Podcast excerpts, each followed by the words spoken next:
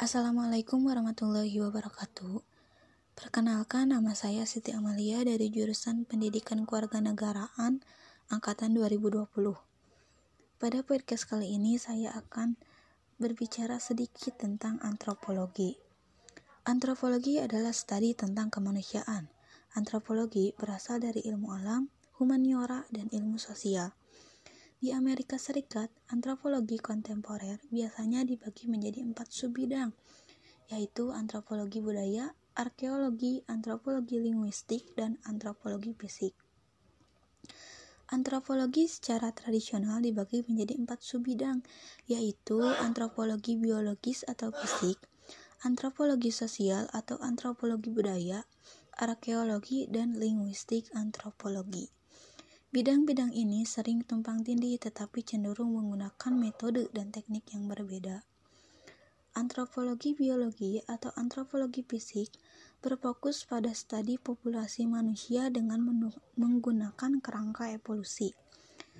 Antropologi sosial atau antropologi budaya adalah studi tentang budaya, terutama didasarkan pada etnografi.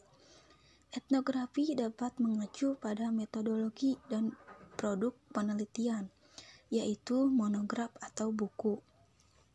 Arkeologi adalah studi tentang budaya material manusia, termasuk kedua artefak atau potongan manusia yang lebih tua, yang dikumpulkan dengan cermat, potongan museum, dan sampah modern. Antropologi linguistik berkaitan dengan evolusi bagian-bagian otak yang berhubungan dengan bahasa. Selanjutnya, tren dasar. Ada beberapa ciri yang cenderung mempersatukan karya antropologis. Salah satu karakteristik sentralnya adalah bahwa antropologi cenderung memberikan penjelasan fenomena yang secara komparatif, lebih holistik, dan cenderung sangat empiris. Fokus khusus antropologi sosial dan budaya telah berubah secara signifikan pada tahun 1990-an dan 2000-an, panggilan untuk klarifikasi tentang apa yang merupakan budaya dan topik lainnya dalam menulis antropologi didengar. Selanjutnya, sejarah antropolog. Pada tahun 1953, penggunaan pertama istilah antropologi dalam bahasa Inggris merujuk pada ilmu alam manusia. Sejarawan antropologi Marvin Harris menunjukkan dua kerangka utama di mana antropologi empiris telah muncul. Ketertarikan pada perbandingan orang atas ruang dan minat pada proses manusia jangka panjang atau manusia seperti yang dilihat dari waktu ke waktu. Sarjana abad pertengahan juga dapat dianggap sebagai pelopor antropologi modern.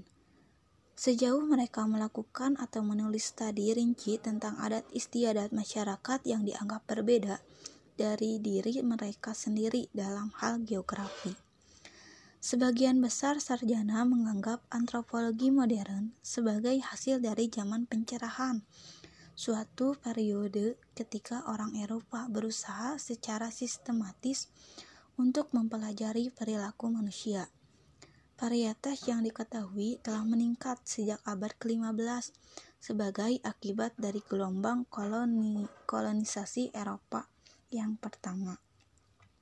Selanjutnya tabel sejarah alam 1728 ensiklopedia. Secara kelembagaan, antropologi muncul dari perkembangan sejarah alam yang terjadi selama penjajahan Eropa pada abad ke-17 18, 19, dan 20. Program studi etnografi dimulai pada era ini sebagai studi tentang manusia primitif yang diawasi oleh administrasi kolonial. Selanjutnya, abad ke-20. Pada abad ke-20, disiplin akademis sering kali secara institusional dibagi menjadi tiga domain besar, alam dan biologi sains berusaha untuk mendapatkan hukum umum melalui eksperimen yang dapat direproduksi dan diverifikasi. Ilmu-ilmu sosial pada umumnya berusaha mengembangkan metode ilmiah untuk memahami fenomena sosial, dengan cara yang dapat digeneralisasikan. Meskipun biasanya dengan metode yang berbeda dari ilmu pengetahuan alam. Selanjutnya, negara Britania, Abby Taylor, antropologi Inggris abad ke-19. Abby Taylor dan James George Fraser umumnya dianggap sebagai anteseden antropologi sosial modern di Inggris. Taylor sangat menganjurkan unilingualisme dan bentuk kesatuan umat manusia. Selanjutnya Amerika Serikat. Dari perkembangannya di awal abad ke-19 hingga awal abad ke-20, antropologi di Amerika Serikat dipengaruhi oleh keberadaan masyarakat pribumi Amerika Antropologi budaya di Amerika Serikat sangat dipengaruhi oleh ketersediaan masyarakat pribumi Amerika sebagai subjek etnografi. Selanjutnya, antropologi Boasian. Yang disebut pendekatan empat bidang berasal dari antropologi Boasian, membagi disiplin dalam empat bidang penting dan saling terkait dari antropologi sosiokultural, biologi, linguistik, dan kuno, misalnya arkeologi. Selanjutnya, Rat Benedict pada tahun 1937. Baos menggunakan posisinya untuk melatih dan mengembangkan banyak generasi siswa. Salah satunya Rat Benedict yang menghasilkan studi yang sangat mendetail tentang budaya di Amerika Utara. Selanjutnya Kanada Antropologi Kanada dimulai seperti di bagian lain dunia kolonial sebagai data etnologis dalam catatan para pelancong, pelancong dan misionaris. Di Kanada,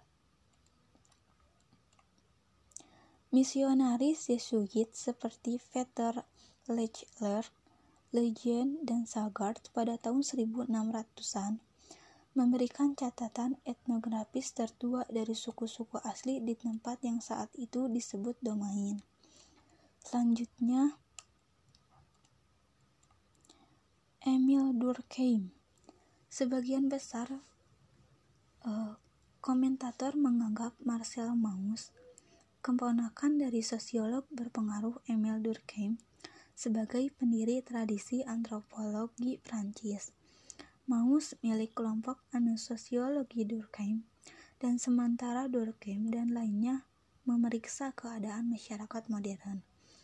Maus dan kolaboratornya menggunakan etnografi dan biologi untuk menganalisis masyarakat yang tidak dibedakan seperti negara bangsa Eropa. Selanjutnya negara-negara lain. Antropologi di Yunani dan Portugal banyak dipengaruhi oleh antropologi Inggris. Di Yunani, sejak abad ke-19 telah ada ilmu tentang cerita rakyat yang disebut Leografia atau Laugrafi. Di Italia, perkembangan etnologi dan studi terkait tidak mendapatkan perhatian sebanyak cabang pembelajaran lainnya.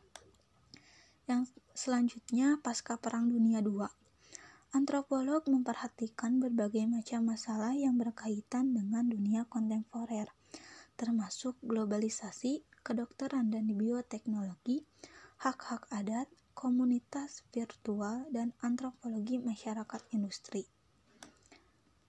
Kontroversi e, tentang sejarahnya. Para antropolog seperti peneliti lain, terutama sejarawan dan ilmuwan yang terlibat dalam penelitian lapangan, dari waktu ke waktu telah membantu kebijakan dan proyek negara, terutama kolonialis kolonialisme. Selanjutnya militer. Antropolog bersama dengan ilmu sosial lainnya bekerja dengan militer Amerika Serikat sebagai bagian dari strategi Angkatan Darat Amerika Serikat di Afghanistan. Selanjutnya, diskusi umum fokus pada budaya lain. Beberapa penulis berpendapat bahwa antropologi bermula dan berkembang sebagai studi budaya lain baik dari segi waktu masyarakat masa lalu dan ruang masyarakat non-Eropa. Terima kasih sekian dari saya. Wassalamualaikum warahmatullahi wabarakatuh.